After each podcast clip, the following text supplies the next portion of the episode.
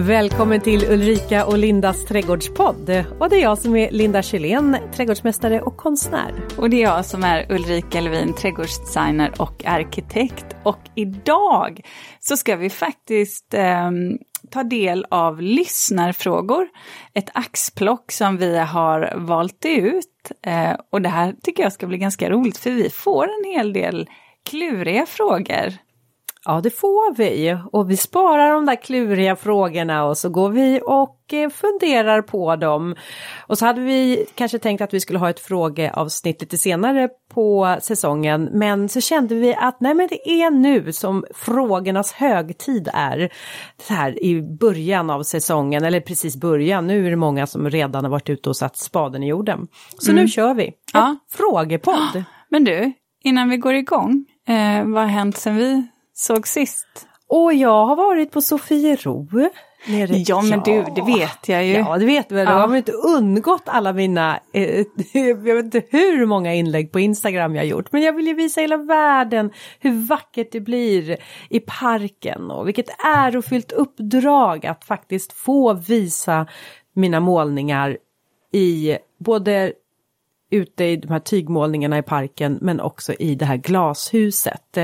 Och det ska jag säga att eh, nu ni som lyssnar och bor i närheten av Helsingborg så kommer ni ha möjlighet att faktiskt se utställningen för den pågår fram till och med 2 maj. Mm, hade rhododendrona och azalena börjat slut eller? Ja, vissa hade slagit ut, andra var liksom, åh, de bara stod och väntade på, men det var lite för kallt alltså. Mm. Det var, åh, det var ruskiga vindar.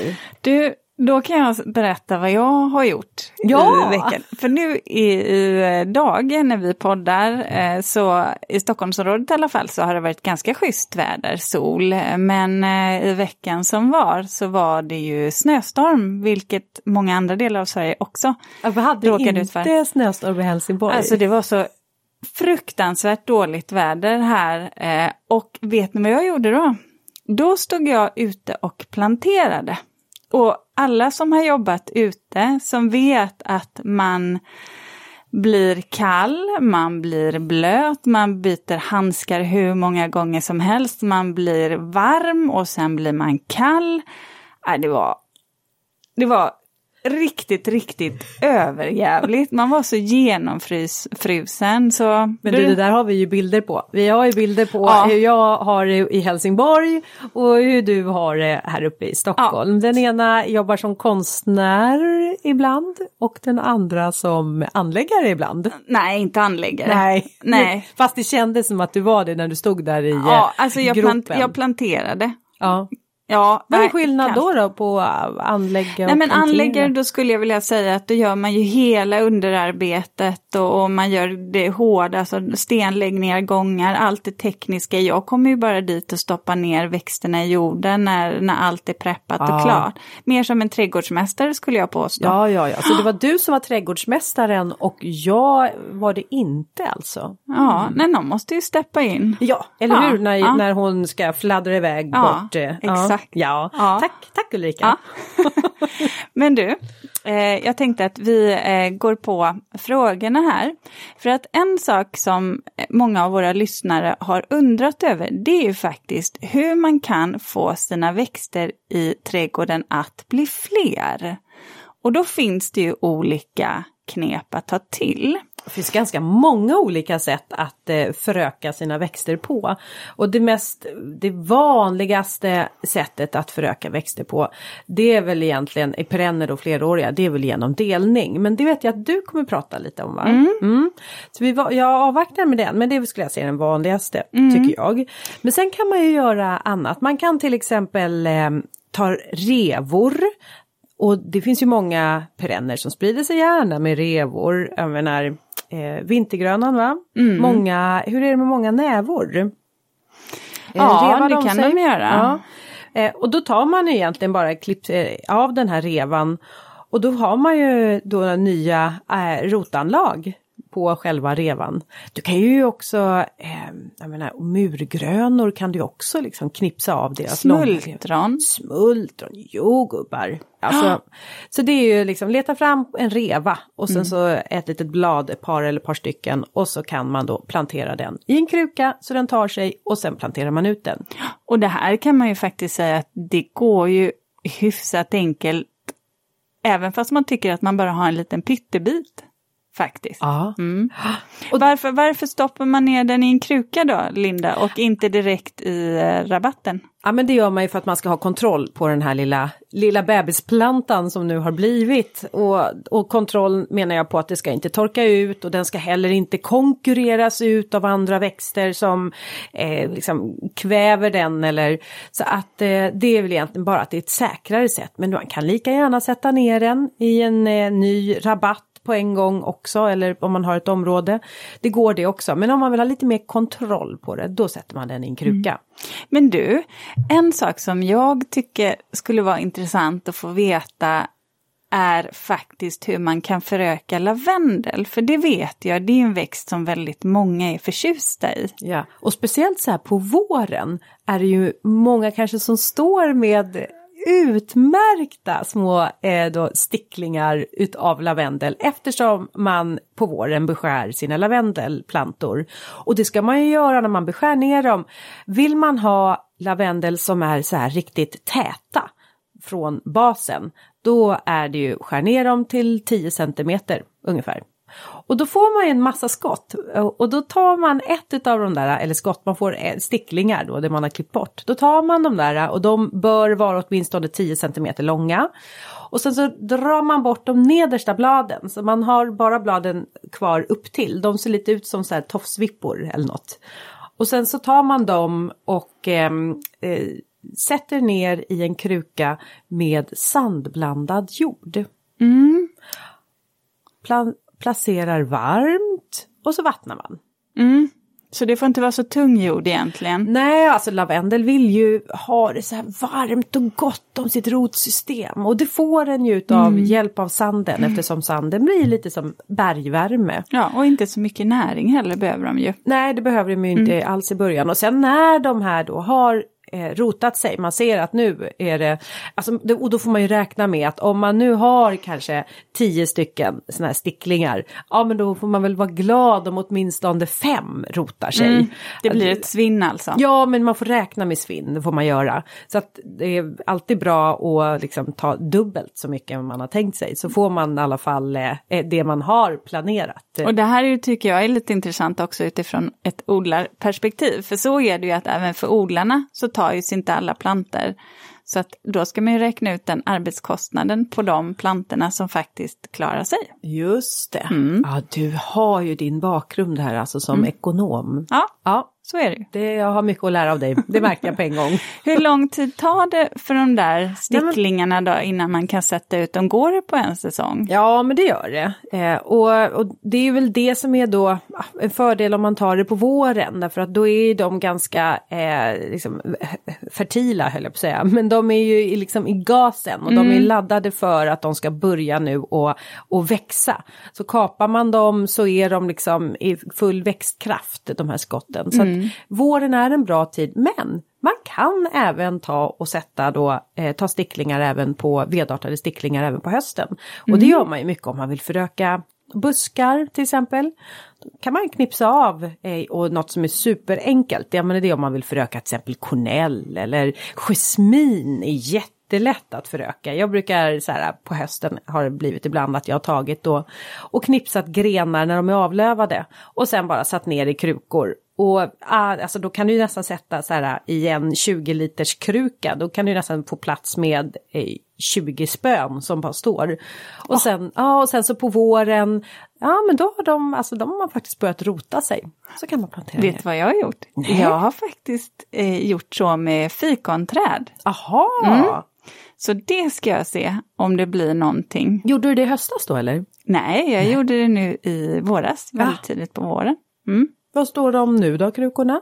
Eh, hemma? Hemma? Jag Hemma. tänkte att du inte har ett växthus. Nej, men de står på altanen, Ute lite altan. skyddat. Ja. Och så tänker jag att de kommer igång av sig själva. Det här är ett eh, fikon som kan växa på friland. Ja. Ja, i varje fall nere i, i Skåne. ja. Ja. Sen, så, sen så tror jag att de här jag har tagit måste jag ha i kruka som jag sen får ta in. ja. Det löser sig sen. Ja, ja, då, ja. Jag, jag återkommer då Linda. vad jag ska göra. Ja. Så Ja. det är lite roligt. Men då skulle man kunna göra så med äpplespön också då eller? Och det vågar jag inte gå i god för ehm, hur det är med äppelspön. Alltså, Det blir kanske inte rätt sort då. Grejen är det Nej. så att jag har letat ihjäl mig efter äpplen som eh, jag kan spalera upp. Ja. Eh, som då egentligen ska vara ett ganska litet äpple för jag ska inte ha det på en spalier som har horisontella grenar utan jag vill att det här äpplet ska klättra som på en båge. ah, Eh, och eh, jag kan säga så här, i handeln så har det varit extremt svårt att hitta det här, förutom att typ alla fruktträd är slut. Och jag brukar ju i normala fall, de odlarna jag köper ifrån, de eh, har ju lite större exemplar. Och eh, ja, jag kan säga att jag kämpar. du kämpar. Men annars är det ju ympris man får ta. Och så får man väl lära sig att ympa.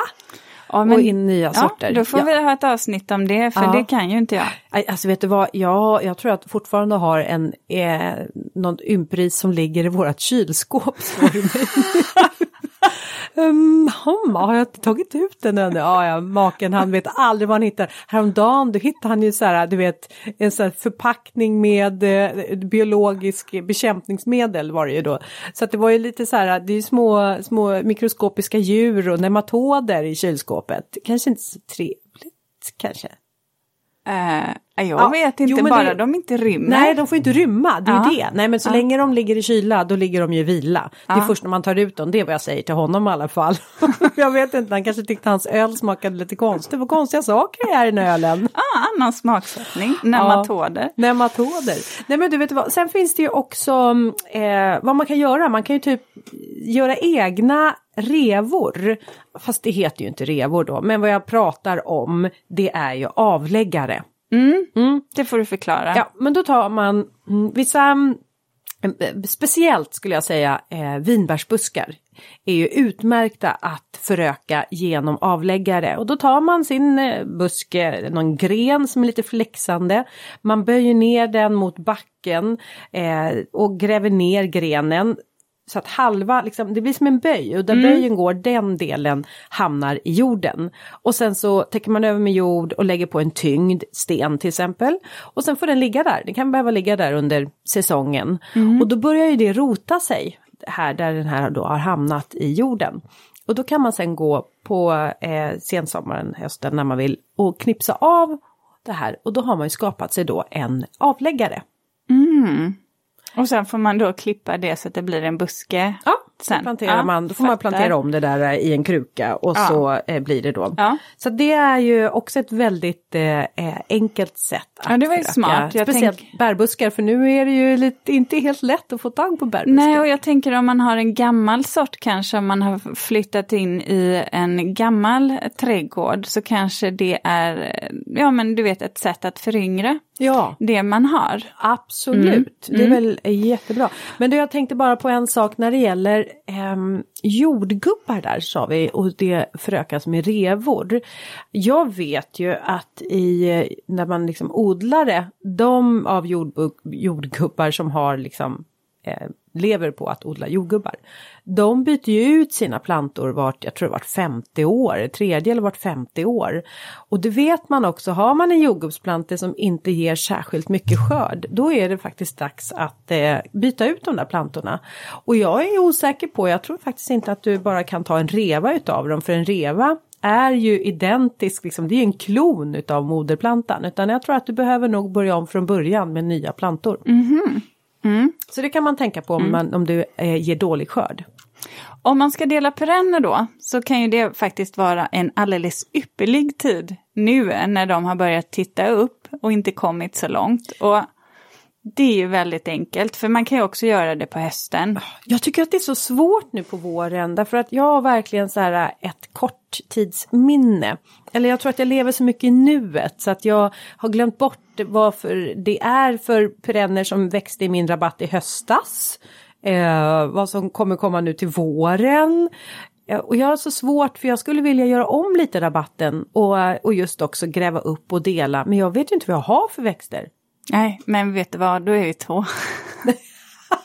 det var därför det bara var så här, det såg så allvarligt ut. Så jag tänkte oj oj oj, men ja. du kände mer att nej, nej men alltså så här är det ju, jag håller ju också på att göra om i trädgården, just nu så ser det ut som total katastrof på vissa delar av den också, men i alla fall eftersom jag fick lite bråttom så fick jag bara slänga ner vissa perenner eh, ah, under hösten. Och då är det lite stökigt ja. då. Ah. Så, och då är det ju svårt att se de här senblommande perennerna som inte riktigt har kunnat komma fram än, Nej. exakt var de sitter. Så att jag brukar göra så här, att på våren så kan man dela de här perennerna som man ser har tittat upp och som man någonstans vet vad det är, som till exempel daggkåpa eller kleja eller nepeta, ja, mm. de som har kommit upp. Och det är väldigt enkelt. Man kan alltså bara gräva upp det här. Man tar en spade, gräver upp plantan och så lägger man den på sidan eller upp och ner på ibland enklast och så sätter man en spade i mitten och så trycker man till. Är det stora perenner, ja men använd en stor spade med, med en spets, alltså som en grävspade då. Så slipper man göra åverkan på, på rotsystemet. Mm. Eh, och man kan dela en, en stor perenn kan man ju dela i eh, fyra. Garanterat utan problem och det kan räcka med att man har ett ganska litet rotsystem kvar på den här nya och speciellt plantan. skulle jag säga som eh, kantnipetan är ju någon som verkligen tjänar på att bli delad. Ja. Den blir så ihålig i mitten. Men gud vad vi bara pratar nu om... Men, då, men det jag ska säga, sen sätter man ju ner den naturligtvis i jorden, man planterar ja. den. Just det, ja. det måste man göra. Ja, och så får man vara lite på och vattna och sådär, precis som alla nyplanterade perenner. Ja. Ja, ja, det. Eh, nej, jag tänkte att vi, vi har ju så många andra frågor också. Ja. Så vi ska, men jag vet också att Ulrika, du är så organiserad så du delade ju upp det här avsnittet på odlingsfrågor, designfrågor och sen vad var det mer för frågor vi hade?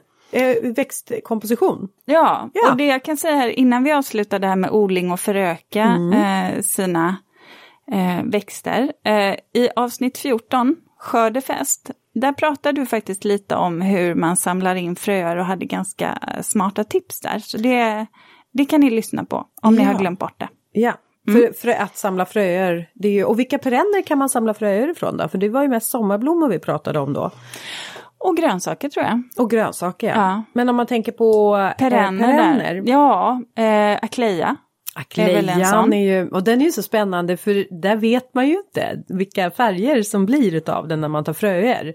Men den är ju väldigt eh, sådär. Och sen så vallmo såklart. Mm. Och jag tänker på, jag har en eh, så här mörkbladig eh, eh hundkex. Ravensving tror jag mm. den heter va? Ja, och den är också lätt att och, och samla fröer utav. Mm.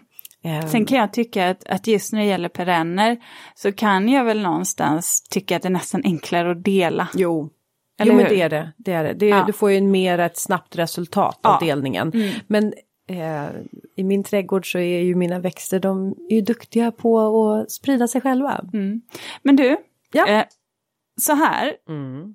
Vi har en fråga eh, som kom från en lyssnare och som undrar om man nu då har förodlat. När ska man sätta ut sina spirande plantor? Ja. Yeah. Det här är ju lite tricky alltså. De första två veckorna när man börjar, när man liksom har fattat beslutet att nu ska ni flytta ut. Då är man som småbarnsförälder, då får man verkligen ta hand om och sköta de här plantorna. För de behöver flyttas ut och in och de behöver skyddas med fiberduk för sol och blåst.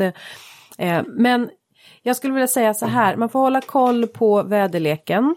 Och um, man vill ju inte att, eh, om det nu är sommar, alltså icke härdiga växter, då vill man ju inte att det ska gå ner i temperatur under, skulle jag säga. Jag skulle inte vilja under 10 grader. Eh, utan det blir eller 5 grader, det blir liksom alldeles för kallt.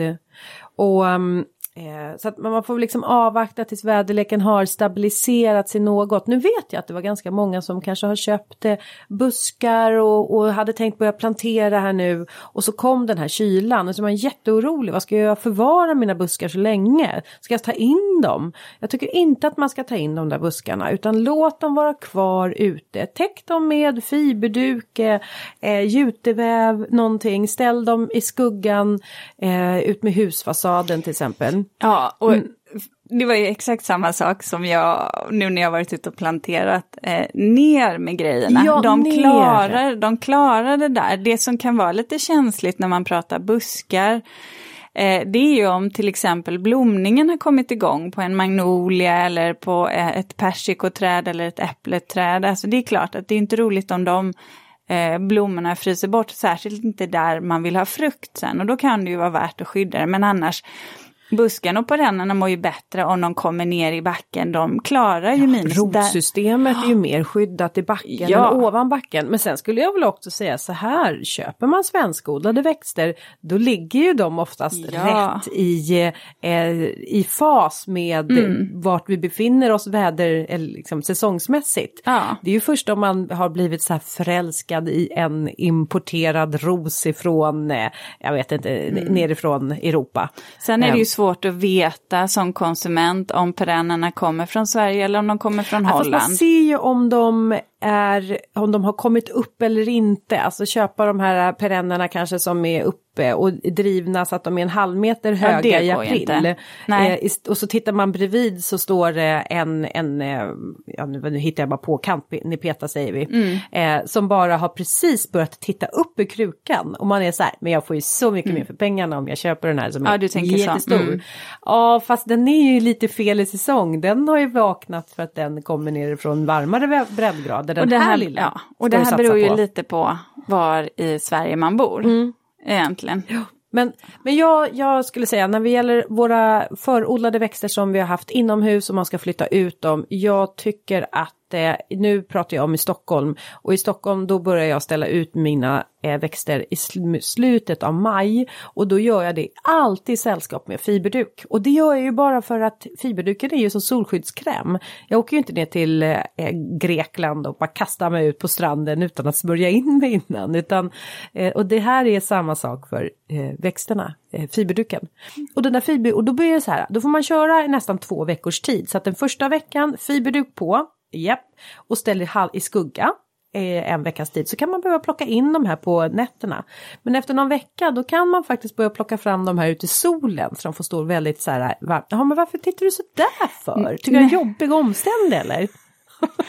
jag tycker att hela processen är jobbig och omständig och det är därför jag tycker att det här med förodlat, förlåt, jag håller faktiskt på med det här nu och jag måste säga att jag tycker det är ofantligt jobbigt. Alltså det är, man ska vattna varje dag och det håller ju på från februari förbaske mig. Och det innebär ju det att jag förstår nu varför vissa människor säger så att gud, nu är det så skönt att det blir vinter för jag är så trött på trädgårdssäsongen. Jag tror fan det när man måste börja i februari och hålla på varje dag. Alltså det är helt galet. Skaffa växthus. Okay. Jag, jag, har dig känner jag. Ja, jag tänker ja, så jag har snälla vänner ja, och, och, föräldrar som odlar som tycker att det här är okej. Jag vet inte, jag tycker det är lite jobbigt, det är lite påfrestande. Men och det är väl där också man får tacka för att det finns eh, trädgårdsbutiker som faktiskt eh, förser oss med allt ifrån förodlade potatisar till färdiguppdrivna luktärtor. Alltså ja, det finns de är... ju, du kan ju... De glömde solskyddsfaktor. Nej!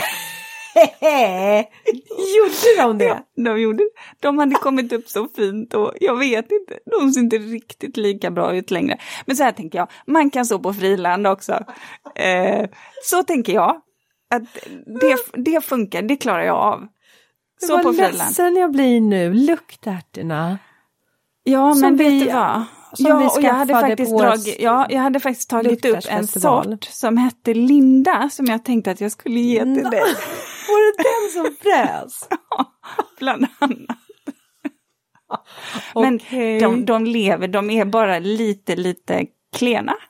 Ja, okej, du tittar lite upp i taket när du säger det. Ja. Ja. men vet du vad, det kan ju vara så att de, man ska inte gulla med luktärtor. Nej. Utan de, ska Det behandlas gjorde jag verkligen inte kan jag säga. Och behandlar de styvmoderligt Ja. då kommer de säkert komma igång och med ett ännu kraftigare eh, Ja. Liksom, rotsystem. Men jag ska plantera några direkt i kruka Ja. tänker jag på friland här nu när jorden reder sig i maj. Ja. För det är så här, om man glömmer den här eh, solskyddsfaktorn som jag kallar det för som är fiberduken och man till exempel har tomatplantor som man ställer ut då Ja. brukar tomatplantorna väldigt kvickt få brända blad. Ja. Och det här är någonting som jag stöter på när jag har jobbat med kunder som kommer in till mig och så säger de så här, men det, det är något fel på de här plantorna, eh, det är liksom virus på dem eller något. Man bara, ja eller också så var det att vi glömde solskyddsfaktorn. Alltså det är så, eh, det är en sån enkel sak att göra för att lyckas. Jag vet inte. Ja, intellektuellt, Ja, ja, ja. absolut. Ja. Eh, praktiskt, I'm not so sure. Ja. Ja. Ja okej, men då har vi koll på det. Eh, och jag tror att bor man högre upp i landet, ja men då är det väl någon gång in i juni. Och bor man längre ner, ja men då kanske det är början av maj. ja. Då ska vi se, hade vi några designfrågor nu eller vad hade vi eh, kortfrågor nu? Du har ju, du har ju organiserat det här så bra Ulrika så att jag... Eh, Vi har några kortfrågor där. ja, kortfrågor. Ja. men nu ser jag vad det här är för kortfråga vi har. Alltså det här är lite så här äh, en cliffhanger som du har eh, hållit eh, en lyssnare på halsen, hur säger man så, halsen? Halster. Halsten, alltså jag... Halster. Halster! Ja, Ja. ordspråk är helt värdelös. Okej, inte på halsen, men på halster. Eh, jag tror att fler lyssnare kanske också undrar, Ulrika, vad hände den där gången som du blev lämnad i djungeln och du blev skrämd av något eh, läskigt djur? Vad var det för djur? Nej men till dags dato, jag vet inte. Ja, Jag, Du får ju nästan återberätta för nya lyssnare att eh, lite snabbt bara en recap. En recap. Vi var i djungeln i Thailand i ett eh, naturreservat som det finns en hel del ja, farliga djur helt enkelt. Eh, större delen av familjen försvinner och lämnar mig och äldsta dottern kvar. Och eh, vi fick skrämselhicka när det började braka i skogen och vi är kvar där i skymningen. Eh, och när jag vände mig om så visste jag ju inte vad jag skulle få se. Jag såg ingenting, det var inte så att jag stod kvar och spejade. Jag var bara jäkligt glad över att det inte var två ögon och en leopard som Åh. stod där och tittade. Eller någon ilsken elefant eller buffel eller tjuvfiskare som också finns där. Eh, så jag vet faktiskt inte vad det var. Och anledningen till att maken och barnen inte kom tillbaka, de blev väldigt uppfyllda av hela det här äventyrs... Eh, promenaden eller klättring eller vad man ska säga. Så att de höll inte koll på tiden. Så att det var ju därför det tog sån tid innan de kom tillbaka. Det var nog bara en liten snäll apa Ja. som svingade sig i en Nej, leon. det var, det var något betyd- det var ingen bladapa, jag kan Ingen säga att det var något betydligt större. Men det roliga är ju att när vi sitter hemma här för några månader sedan och tittar på en naturfilm med våra barn, eh, så är det just i det här området som, som de visar eh, filmen ifrån. Eh, och så är det en eh, familj då som de följer. Och så börjar de prata om, vad trivs sådana här leoparder? Jo, i grottor. Det har jag på bild när mina barn står framför en sån grotta och slänger in lite stenar och, och försöker ropa för det är så här eko, du vet. Hela familjen, alltså vi bara tittar på varandra så tänkte vi så här, oh my god, liksom, hur korkad får man vara? Oh. Ja, det kändes lite, lite, lite för äventyrligt, men det var det som hände. Ja, ja, Men ja, du- men okej. Ja, Ja. Då vet vi det, att eh, vi vet inte vad det var för djur. Nej, Nej. tack och lov. Ja. Ingenting som åt upp mig i alla fall. Mm. Eh, men du Linda, om en nu ska ha vindruvor i ett växthus och man ska ha en gjuten platta, eh, vad gör man då? Ska man ha ett rör? Ja, det här det har du och jag diskuterat. Om man ska ha vindruvor, Om man ska om vin, det. ja, mm. vindruva, ja. Det här har du och jag diskuterat och eh, för vi har väl kommit fram till att det bästa är väl såklart om vindruvan får planteras direkt i marken. Och på det sättet eh, dels liksom avrinning och dränering löses automatiskt. Rotsystemet kan ha en möjlighet att utvecklas lite lite till. Eh, markfukten är god. Eh, så att det blir ju kanske ett mera balans i eh, växtförutsättningarna om man har möjlighet att då göra en eh, eh en, man gjuter liksom runt om det här eh, planteringshålet. Och då sa vi det att då kan man ju sätta ner en sån här, vad kallar man det för, pappers... Ett rör. Pappersrör mm. typ. Papprör ja. ja papprör ja, som man använder när man gjuter. Eh, sätter ner det och sen så får det stå där och så får man gjuta plattan runt omkring. Ja, och det kan man ju också göra ifall man har ett, eh, en låda, det vill säga en platsgjuten låda i växthuset. För att man vill ju heller inte att vinrankan kanske ska få ta över hela den lådan utan man vill ju kanske faktiskt få odla någonting också. Och då blir det ju nästan som en låda i lådan det här röret som vindruvan står i. Då ja. får man ju vara noggrann med vatten och näring. Och så måste det naturligtvis finnas avrinning då. Ja. Ja. Som vi sa. För det är ju så här också med en vindruva som trivs i ett, ett, växthus, den kan ju liksom fullständigt ta över. Jag har en vindruva här ute och den kan ju alltså, den drar ju iväg med sådana långa mm. eh, skälkar så att den är ju alltså lätt att den drar iväg en 5-8 meter. Mm. Och eh, då blir det lite svårt att hantera dem så att det är ju bra om man kan begränsa egentligen eh, hur stort rotsystemet ja. liksom kan bli. Och sen är det så här en eh, vin Eh, vin då som inte får tillräckligt med vatten drabbas oftast utav mjöldagg. Så att har man en planta som man tycker blir så himla trist när man har kommit en bit in i sommaren, då är det förmodligen kopplat till att det, man vattnar för lite. Mm. Sen så har vi fått en fråga från Emma som undrade om vi hade tips mot sork. Och då ska jag faktiskt hänvisa till vårt avsnitt om lökar, avsnitt eh, 13. För då fick vi ju eh, ett tips från Carolina Visser från eh, tulpanodlaren.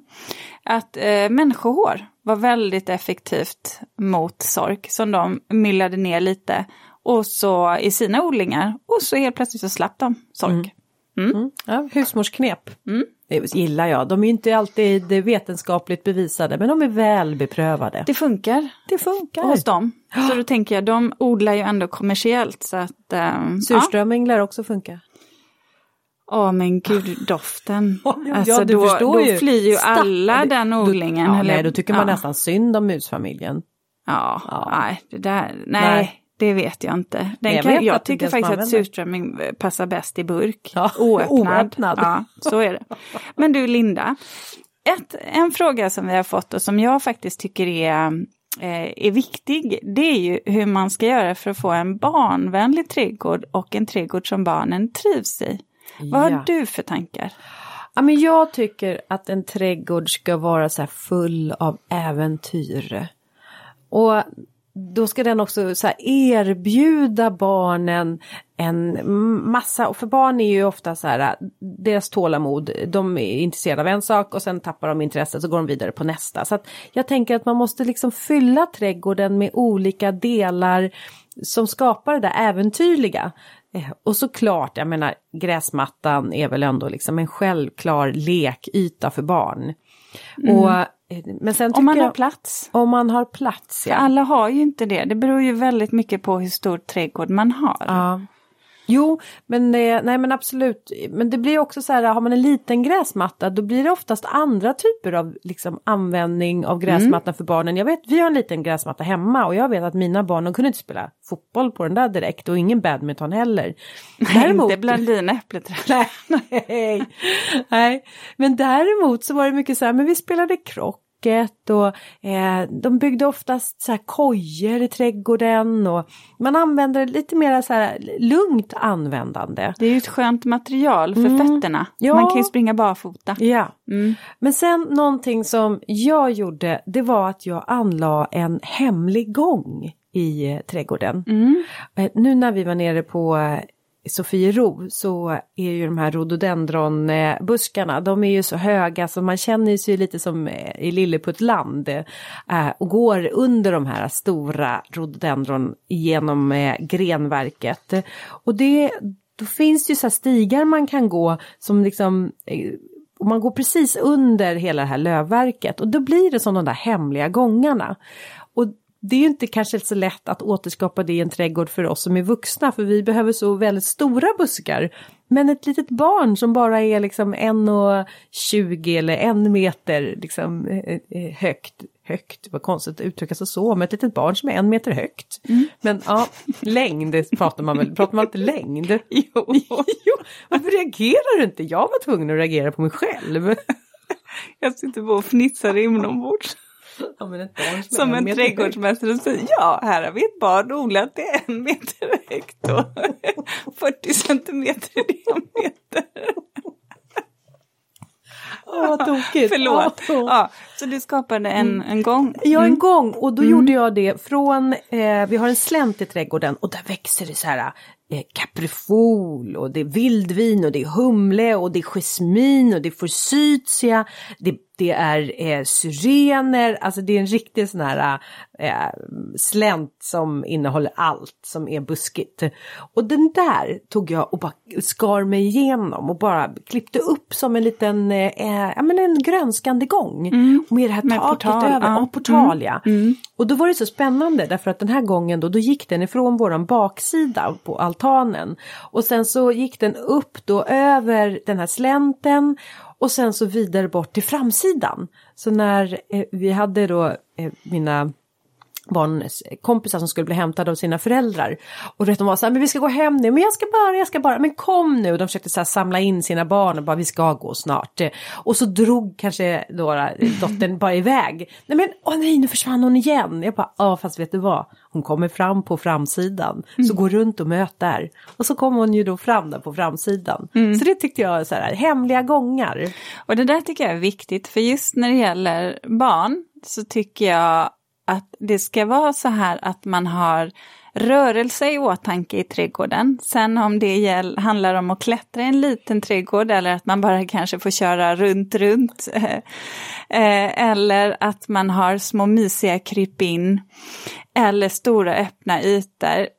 Det lockar ju barn, kanske lite yta i halvskugga så att man inte alltid sitter i brännande sol, vilket är lite jobbigt Ja. för små barn. Men sen kan jag också tycka att en viktig aspekt är att tänka på när man ska göra en design, när man ska forma sin trädgård, att tänka på att inte låsa upp funktioner för barnen, för de kommer ändras allt eftersom barnen växer. Och nu pratar vi ju små barn, men sen har vi faktiskt de äldre barnen, tonåringarna, som också ska ha sin plats. Och då kan jag tycka att det kan vara trevligt att hitta ytor där de kan få dra sig undan lite.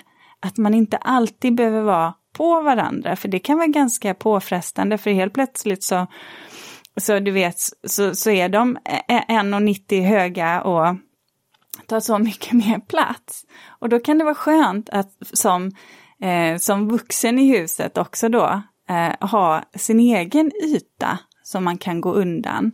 Och det är väl ditt växthus används väl av, av dina barn, din son gillar väl det Ja. framförallt? Eh, sådär, eh, nu börjar väl den där växthussäsongen igen där de vill gärna hänga där Ja. på kvällarna. Men, men du, jag måste berätta om en ganska rolig historia som jag hade med min dotter när hon var liten. För jag jobbar ju så mycket med, du, du kallar ju mig för fru fantasi Ulrika. Mm. Och då, eh, och, och jag jobbar ju så mycket med det att jag tycker att det är så kul, den här fantasivärlden. Och då kom jag på att jag skulle gräva ner en eh, hink eh, i eh, en av mina rabatter. För jag ville att det skulle sättas ner en pump där i så det skulle porla lite. Och eh, sagt och gjort, jag eh, grävde ner en svart hink bottenlös eh, som den uppfattas då när den är svart. Fyllde den med vatten, den här lilla pumpen där i och så porlar det så här. Åh. Och så var det någonting i mitt sinne som väcktes så här, och lite lugnande och så kommer min dotter hem då från eh, förskolan. Hon är väl typ så sex år eller liksom sexårsverksamheten. Och hon bara, aha, har vi en önskebrunn i trädgården mamma? Mm, då får man önska sig någonting. Ja, säger jag. Och hon önskar sig, hon, liksom, hon är spontan så hon bara, om då önskar jag mig en prinsessklänning. Så dagen efter då åker ju inom citationstecken önskebrunnen till Ja. leksaksaffären. Det är klart. Och så ser hon till att eh, skaffa en prinsessklänning och så hänger önskebrunnen upp den i närmsta eh, så här, syren och sen så kommer då eh, Tora hem från skolan igen och bara nu ska hon se om det här har uppfyllts. Så hon rusar in och bara ah, men det är inte så, mamma, det funkade!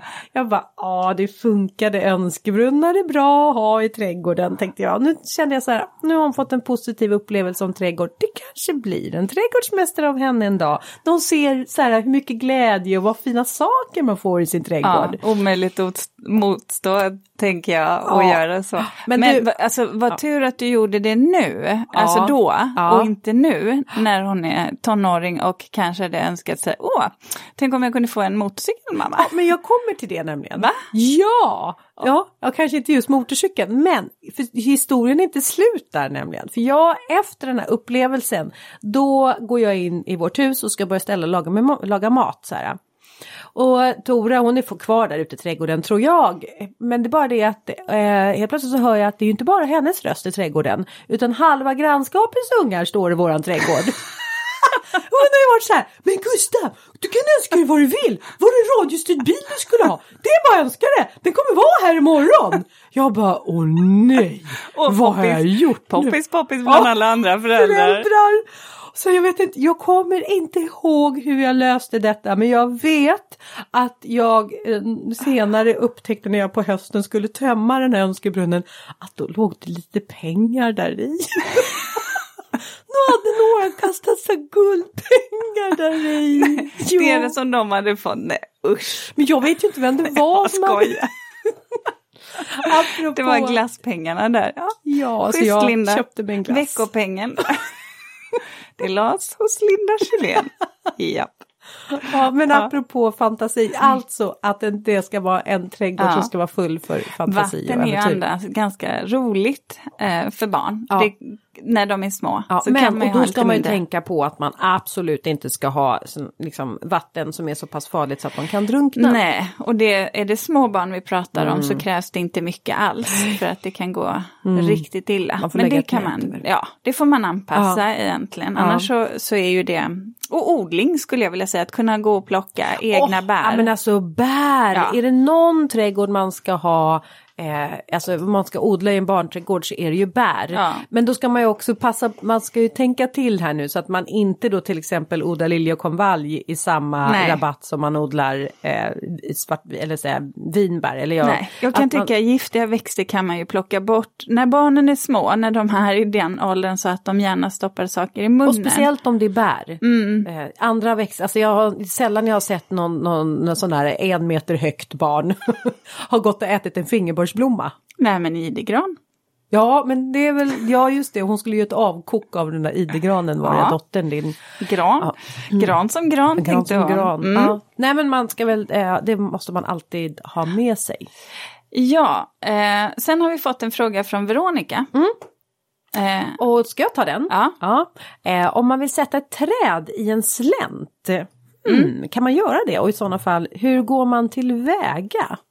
Och, och då är det här också att det här är, hon har specificerat att det är en slänt som är mycket solig och dessutom vindutsatt. Så hon vill ju väldigt gärna att trädet ska ge lite insynsskydd eh, vid en spaljé. som alltid när man planterar i en slänt, om man ska sätta ett träd där man någonstans vill ändå att stammen ska vara rak, då måste man ju tänka, det vill säga horisontellt ut, det vill säga att rot, jordklumpen måste ju eh, täckas av jord. Ställer man den bara rakt ner i slänten så kommer inte det funka.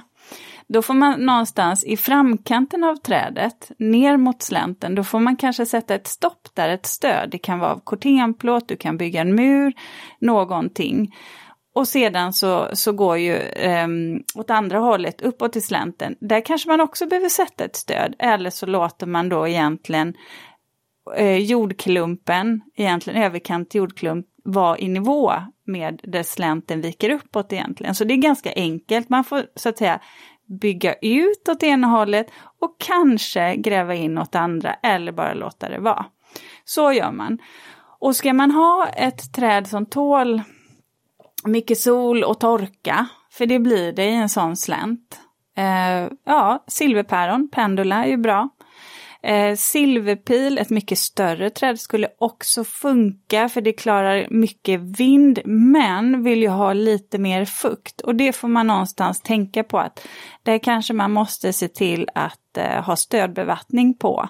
Sen är det ju så att poängen är ju också att man gör eh, ytan där trädet står lite mer horisontellt, det behöver inte vara helt plant, eh, är ju för att vattnet ska ha en förmåga att stanna kvar.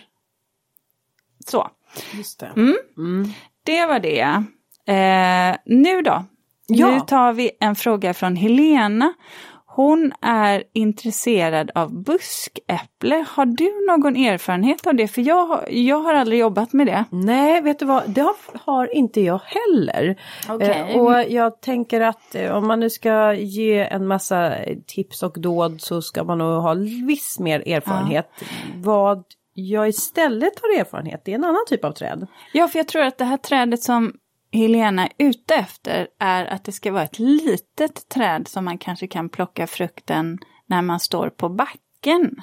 Just det, och inte behöva upp på någon stege Nej. och klättra eller stå Kanske med ett här... träd som är manshögt egentligen. Ja, och då vill jag ge ett, göra ett slag för pelaräpplen. Mm. Pelaräpplen, det är ju äpplen som eh, eh, växer, alltså de får ju liksom knappt några grenar utan de växer väldigt bara in till stammen eh, utvecklas frukterna. Och ehm, eh, det finns lite olika sorters pelaräpplen. De här är ju då lämpliga att ha, alltså speciellt om man då också har en balkong. Så att man vill ha ett eh, fruktträd som inte tar en massa volym. Då är det liksom satsa på ett pelaräpple. Men det, då när man ska välja sina pelaräpplen då vet jag att det finns många olika, en hel familj av katter. Eh, Ulrika tittar på mig som att nu pratar du om något annat Linda, men det gör jag inte.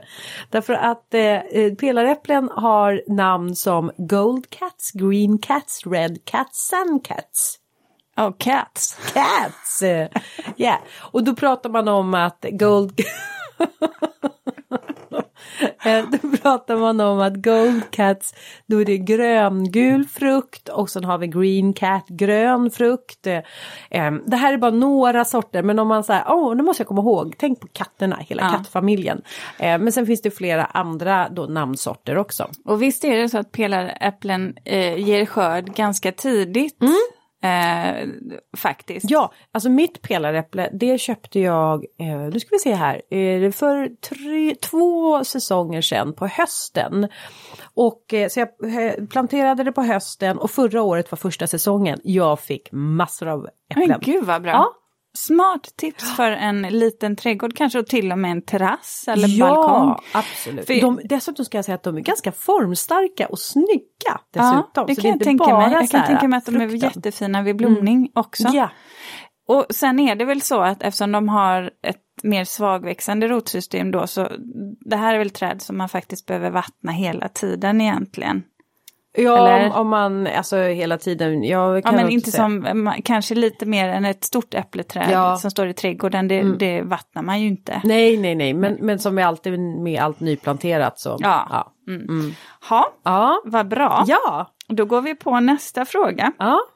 För då har vi fått en fråga som jag tänkte svara på. Det här är en eh, lyssnare som ska ha en perennarabatt som är 60 cm bred och 5 meter lång. Som ligger i söderläge och eh, lyssnaren vill då ha en färgskala som går i vitt, lila, rosa och blått. Och då skulle jag välja i framkant eh, så skulle jag välja eh, alonroten, green eh, spice, stenkindel, blue cloud och nätnävan, eh, Philippe Vapel. Hur ser den ut? Eh, ljusblå, violett, ganska Ah. kompakt, fin. Åh, vad fint med stenkinden där. Och här kan man ju då sätta i olika, om man tänker sig att man jobbar med enmeters sektioner. Man kan ju också välja att bara ha en enda eh, växt i framkant, bara stenkyndel till exempel.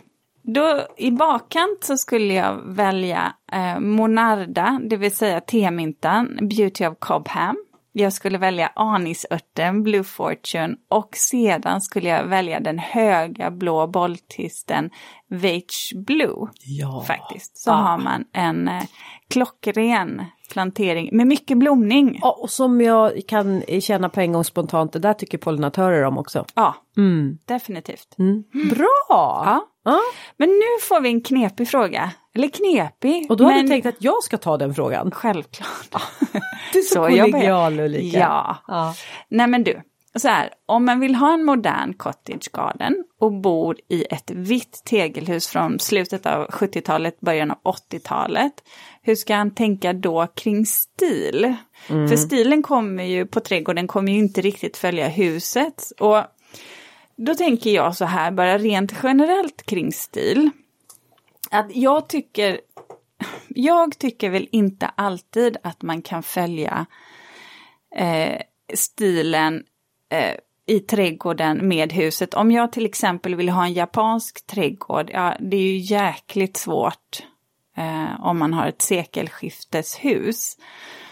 Eh, det jag menar är väl att man kan ju dra saker och ting eh, åt Ja, alltså man kan dra åt ett håll men sen samtidigt då när vi pratar konstruktioner, det vill säga pergola, spaljéer, eh, staket, sånt som sitter i anslutning direkt till huset, ja då tycker jag någonstans att man ska följa den stil som man har på huset. Sen om man går åt något annat håll i trädgården, Ja, det kan man ju göra. Du kan ju ha en stramare trädgård till ett sekelskifteshus. Det beror ju lite på vad man så att säga vill ha och att man gör det med finess. Men jag tycker väl att man då kanske någonstans ja, men måste, måste ha en tanke att det blir ett genomgående tema. För sen är det ju också så rent arkitektoniskt, ibland så är det ju så att när man ritar en tillbyggnad till ett, en gammal trävilla då kan man egentligen bryta stilen helt. Bara för att visa att okej, okay, det här är en ny tillbyggnad, det här tillhör inte originalhuset. Ja, så att det där är väl en sanning med modifikation skulle jag vilja säga. Det viktiga är väl att vara stringent i sitt tänk. Mm. Men Linda, du är Men, ju duktig på det här med cottage garden. ja, och- så att om man nu vill ha en modern cottage garden, Ja, hur tänker för- du då? Och för lyssnare som inte lyssnade på avsnittet, när var det vi hade Cottage Garden avsnittet? Det minns inte jag. Nej, Nej. Skapa stilen del två är det i alla fall, som gick ja. här under våren. Och då brukar man väl säga att i en cottage garden då vill man att det ska vara just mycket ätbart. Fruktträd och bärbuskar och köksträdgård, ett litet staket med en grind och en väldigt liten gräsmatta. Flera sittplatser, eh, mysiga sådana som liksom är omfamnade. Jag skulle säga att det är nästan som att det är ett Englands motsvarighet till egna hemsträdgården. Men med ännu mer lummighet och ännu mera mm, jag vill inte säga ordet romantik men det kanske lite alltså, tangerar åt det hållet. Jo, men det tycker jag. Det tycker vi. Ja, då det kör vi tycker på jag det. absolut. Ja. Eh, Så det, och då har hon ju då alltså ett vitt tegelhus från 80-talet som då ska då eh, lite då flirta med den här stilen som jag nu precis beskrev. Och eh, eh, då tycker jag, eh, om man nu vill ha en, liksom en, en grön, en stomme för det här eh, och eh, några buskar som liksom kan vara de där som eh, tar mest plats. För hon vill ha lummigheten. Och då tycker jag rosor. Och det var vi lite överens om du och jag va? Mycket överens. Mycket överens till och med. Och jag vill tipsa om en eh, ros som jag lite fått upp ögonen för. Den heter Haga slott. En eh, eh, ganska så här lite rå, mörkt rosa blommande, dubbelblommande. Eh, rabattros, eh, härdig zon 1 till 3, blir ungefär en meter hög knappt. Eh, det som är grejen med den här rosen det är att den har väldigt lång blomtid. Alltså ifrån juni till september. Och sen har den också en doft. Och det är ju inte så ofta som de här som det är långtidsblommande doftar. Men det gör den här då med eh, sån här lite vildroskaraktär. Gud vad du fnissar. Jag, jag kan inte släppa att jag sa... Nej, du sa fel förut. Att men jag det är ingen fel. som vet att du har Nej. sagt fel nu. Nej, för det kommer klippt klippa bort bort. det. Det Jag säger det i slutet på programmet. Nej det gör du inte, då ska jag prata. Ja. Nej men så att då har vi då den här rabattrosen Haga slott men sen så pratar vi också om, kan man ha andra buskar som skapar den här grönskande, omfamnande, lummiga basen som ändå fungerar till det här vita huset? Ja, då har vi jasminen säger jag. Mm, jättebra val. Ja. Och då har vi också smultronjasmin som inte blir så hög. Mm, Mont Blanc ja. Mm. Och då har vi de här rosa och vita eh, liksom, tonerna. Och för att det inte bara ska bli så här väldigt, väldigt buskigt utan också få in någon form av eh, liksom, stringent. Jag använder så svåra ord idag. Ja, du insuper det jag säger hör Ja, jag. ja. Spiror tycker jag du ser ut som med dina händer att du det letar var efter. Exakt, jag sa stringent, Ja. en, eh, di- dirigent, men det kanske är den stråken jag pratar om då. Ja. Spiran är det. Och eh, spiran till det här böljande, det får bli kransveronica Erika, eller Erika. Så att eh, rosor som bas, eh, Haga slott, eh, jasminer, den väldoftande eh, smultronjasminen tillsammans med perenner som till exempel kransveronica Erika. Mm, daggkåpan. Och dagkåpan. Och det var väl lite det som var, eller som är grejen då om man vill ha en modern cottage garden. Kanske vara lite, lite mer återhållsam i sin färgskala. Att ha en homogen färgskala. Eh, och vill man så kan man ju plocka in något som är formklippt. Om det sedan är en eh, häcksektion eller om det är något klot eller något liknande. så kan man ändå få in det. Alltså Ja, för formklippt det är också en sån här pusselbit i eh, trädgårdsdesignen för att få det att bli komplett. Mm. Jag tycker det. Bra Linda! Ja, Då var vi klara. Ja. med alla, eh, alla frågor. Och det jag ska informera alla lyssnare om, för nu har det ju varit så att man har kunnat ställa frågor eh, via Instagram, men det är ju så att alla våra lyssnare har ju inte det, så vi har faktiskt ett mejlkonto nu ja, som heter Ulrika och Linda snabela gmail.com. just det. Ja. Och då kan man mejla till oss där och sen ska vi vara noga med att gå in och, och kolla av mejlen också. Ja, men det gör vi ju. Däremot så kan man inte räkna med att eh, få svar, alltså enskilt så, utan det här, det här blir ett mejlforum där ni kan mejla in frågor eller tips på ämnen som ni gärna skulle vilja höra om i podden. Och så försöker vi eh, sammanställa det eller ta upp det i podden när det passar, eh, ja, passar in i eh, avsnitt, avsnitten helt enkelt. Sen är det ju så, vill man komma i kontakt med dig eller mig så gör man ju det lämpligast på, via våra hemsidor, alltså om man vill komma i kontakt eh, med oss utifrån vår profession. Så är det. Bra. Ja. Bra. Har du någon reflektion för Ja. veckan? Nej men vet du vad, jag har ingen reflektion men jag vill göra ett förtydligande. Mm. Nej men du, eh, du överraskade ju mig med en fråga här, en frågeställning för ett par eh, avsnitt sedan där eh, du eh, inte tyckte att det föll i god jord att vi skulle mm, lyfta och, och vi skulle marknadsföra några olika avsnitt som vi hade spelat in här på, på bland våra poddar och då så sa du pollinatörsträdgård och då, hade inte, då nappade inte jag på det. Och då undrade du eh, eh var, varför det? Varför nappade du inte Linda? Och då försökte jag förklara det men då kände jag att jag inte riktigt kunde förklara varför jag eh, inte var sugen på det. Men nu har jag tänkt. jag fick tänka en månad på det här och då har jag kommit fram till en sak. Nej men alltså jag, jag tycker att det är, det är så bra att eh, eh vi är många som liksom har öppnat upp ögonen och förstår att vi måste jobba för eh, den biologiska mångfalden och eh, allt ifrån med våra odlingar som ska vara liksom eh, poll, eller nektar och pollenrika föda. Eh, och även då att större företag hoppar på det här också och vill vara med då och lyfta den här trenden. Och det var det där med trend. Alltså jag har inga problem med att eh, vi många liksom, att jag är ute och låter mig intervjuas och så. För att för mig är det liksom något av det mest naturliga. Eh, att, sättet att leva på, att ta hand om den biologiska mångfalden. Men jag blir alltid orolig för när jag börjar ana att det blir en trend. För att trender i min värld, de är övergående. Och, man gör det inte på riktigt tänker du? Nej, utan mm. det kanske mera då att man kanske gör det för... Eh, och det är väl där jag bara känner så här, nej men eh, jag, vi, om alla nu satsar på pollinatörer och den biologiska mångfalden, men gör det inte kortsiktigt bara liksom tills nästa trend kommer att vi ska, ja vad vet jag, hur vi ska odla på ett visst sätt eller...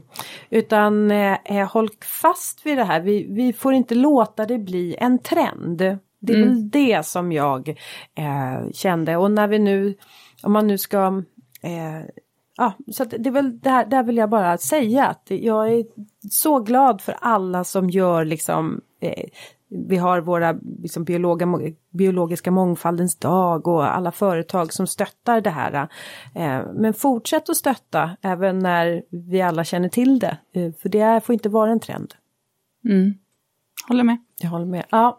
ja men då har jag sagt min, men vågar jag låta dig prata? För nu har du sagt att du ska tala om alla dina felaktigheter som du har sagt under det här programmet. Nej, jag, nej, nej, nej, nej, jag säger inte, upprepar nej, inte okej, det då ordet får du igen. Ordet. Mm. Då får du ordet. Nej men jag kan bara konstatera att eh, nu är vi på den tiden av året när det är jag mot rådjuren känner jag. Tulpanlökarna har tittat upp. Ah. Så det är jag och det är min spruta med Trico Garden fårtalg.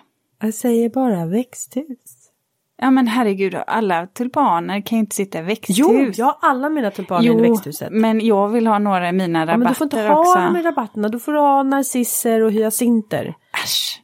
Det går alldeles utmärkt att spruta. Ja, jo, ja, ja. Med fårtalg. Ja. Det är inget som är farligt nej, heller. Nej, det är det inte. Så att det, det är nej, jättebra. Ja, jättebra. så att det, det kör jag hårt eh, med nu faktiskt. Mm. Jag har inte ens tänkt på att rådjur existerar.